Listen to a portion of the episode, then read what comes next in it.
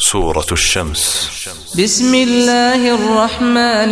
الرحيم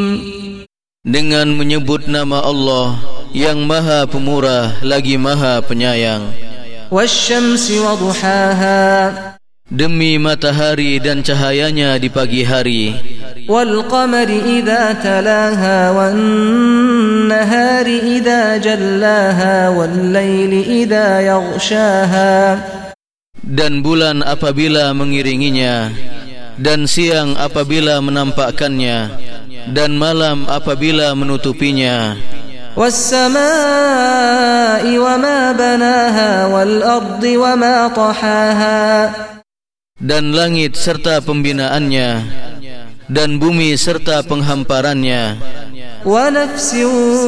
وما سواها فألهمها فجورها وتقواها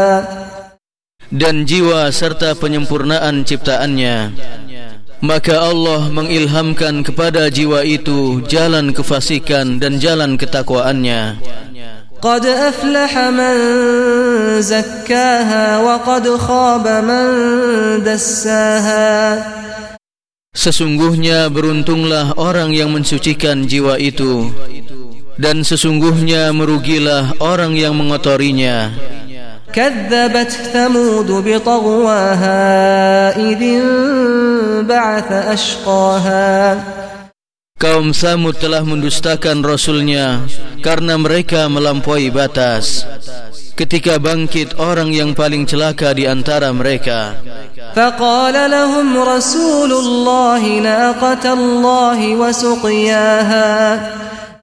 Lalu Rasul Allah yaitu Soleh berkata kepada kaumnya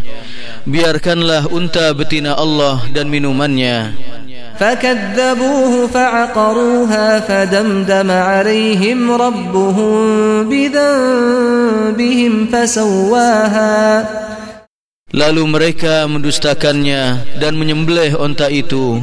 Maka Tuhan mereka membinasakan mereka disebabkan dosa mereka. Dan Allah menyamaratakan mereka dengan tanah. Wala yakhafu uqbaha. Dan Allah tidak takut terhadap akibat tindakannya itu.